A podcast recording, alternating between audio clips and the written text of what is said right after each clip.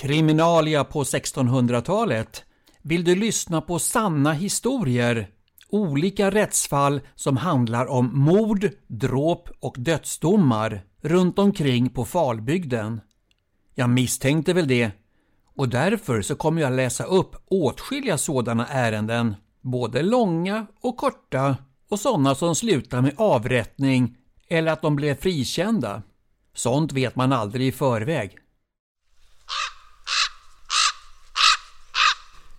Kriminalia Rättsfall från Falbygden runt mitten av 1600-talet som berör mord, dråp och dödsdomar. 1641, Vilske häradsting den 21 juni, kom förrätten John Svensson i Skogsgården och klagade på sin son Sigge Jonsson som för två år sedan hade rymt från sitt kompani när det befann sig uppe i Stockholm och allt sedan dess varit på rymmen. Ibland i Sverige, ibland i Danmark. Men nu under föregående höst 1640 hade han återkommit och stulit från sin fader nämnde John Svensson.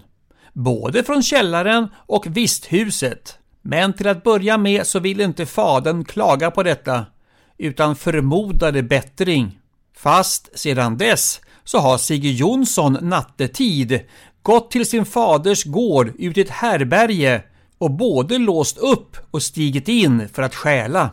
När fadern hörde att det bullrade i härberget om natten steg han ut och gick till detta hus samt tog ett spö i handen och i mörkret gick han fram till dörren och stötte på det med spöet. Men då hade Sigge Jonsson redan gått därifrån och stod strax bortom dörren i mörkret. Då stötte han till sin fader för bröstet så att han föll omkull. Men då släppte Sigge ifrån sig en väska och där låg det ett par halvslitna skor och ett stycke rep.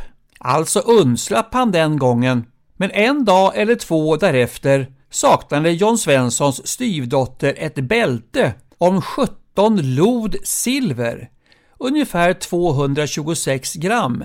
Det hade hon lagt i en låst kista i samma härberge.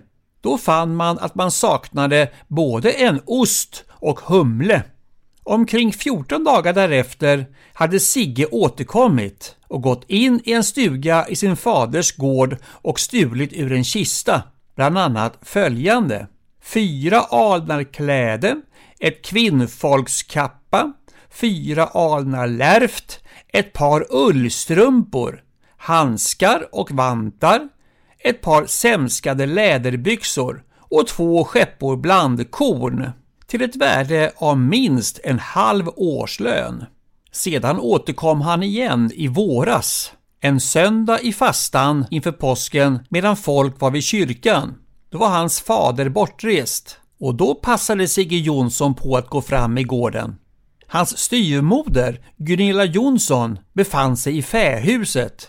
När hon vände sig mot gården igen och skulle gå in fick hon se att det gick någon inne i stugan när hon kom fram till förstugans dörr mötte hon Sigge Jonsson som varit inne i stugan och han sade till henne Vad är du för en djävul? Varefter hon i stor häpenhet gick in i stugan. Strax satte han en käpp och spärrade dörren och sade Därifrån ska du aldrig gå ut igen med livet i behåll. Sedan satte han en annan större bom framför dörren. Då hade han redan tagit alla nycklarna och låste upp vart och ett av husen och stal allt vad han fann där inne. 17 kilo kött, 13 kilo fläsk, 1 kilo ister, ett kopparspänne och från pigan som bodde där så tog han en vadmalskjortel, en lärft särk och en vadmalströja samt huvudkläde och ett förkläde av lärft. Därtill så stal han en häst av sin fader så han kunde föra alla persilarna därifrån i två stora säckar när han lät alla dörrarna få stå öppna när han gav sig av. På färden så mötte han kyrkfolket som var på väg hem, både karar och kvinnor, över 40 personer, vilka flera vittnen kunde berätta om. Den hästen sålde han sedan nere i Marks härad där han fick fyra riksdaler i värde, vilket Sigge Jonsson omsider bekände.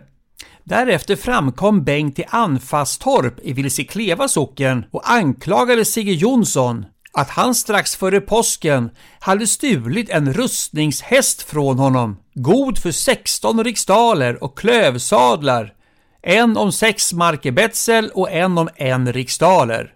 Det här närmar sig två årslöner. Vilket Bengt nu efter flitigt eftersökande har efterspanat och fått igen i Danmark vid en kyrka benämnd Värö i Halland, alltså norr om Varberg, som var danskt på den tiden.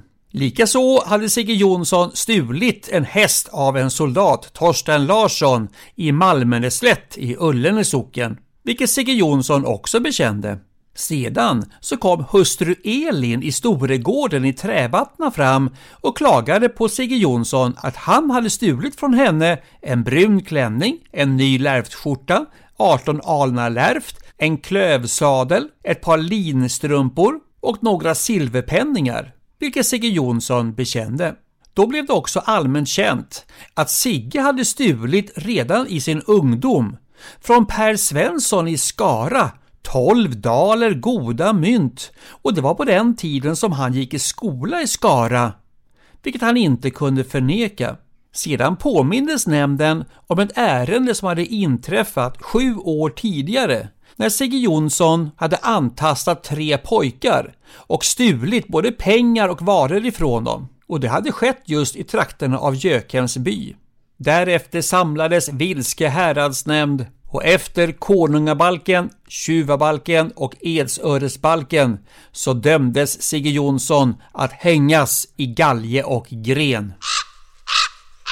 Fyra dagar senare, Göta hovrätt den 25 juni 1641, Sigge Jonsson, tjuv, en dom från Vilske härad över en gammal förrymd soldat, Sigge Jonsson, som har stulit mycket och ofta från sin fader och har stött honom för bröstet så att han föll omkull och instängt sin styvmoder.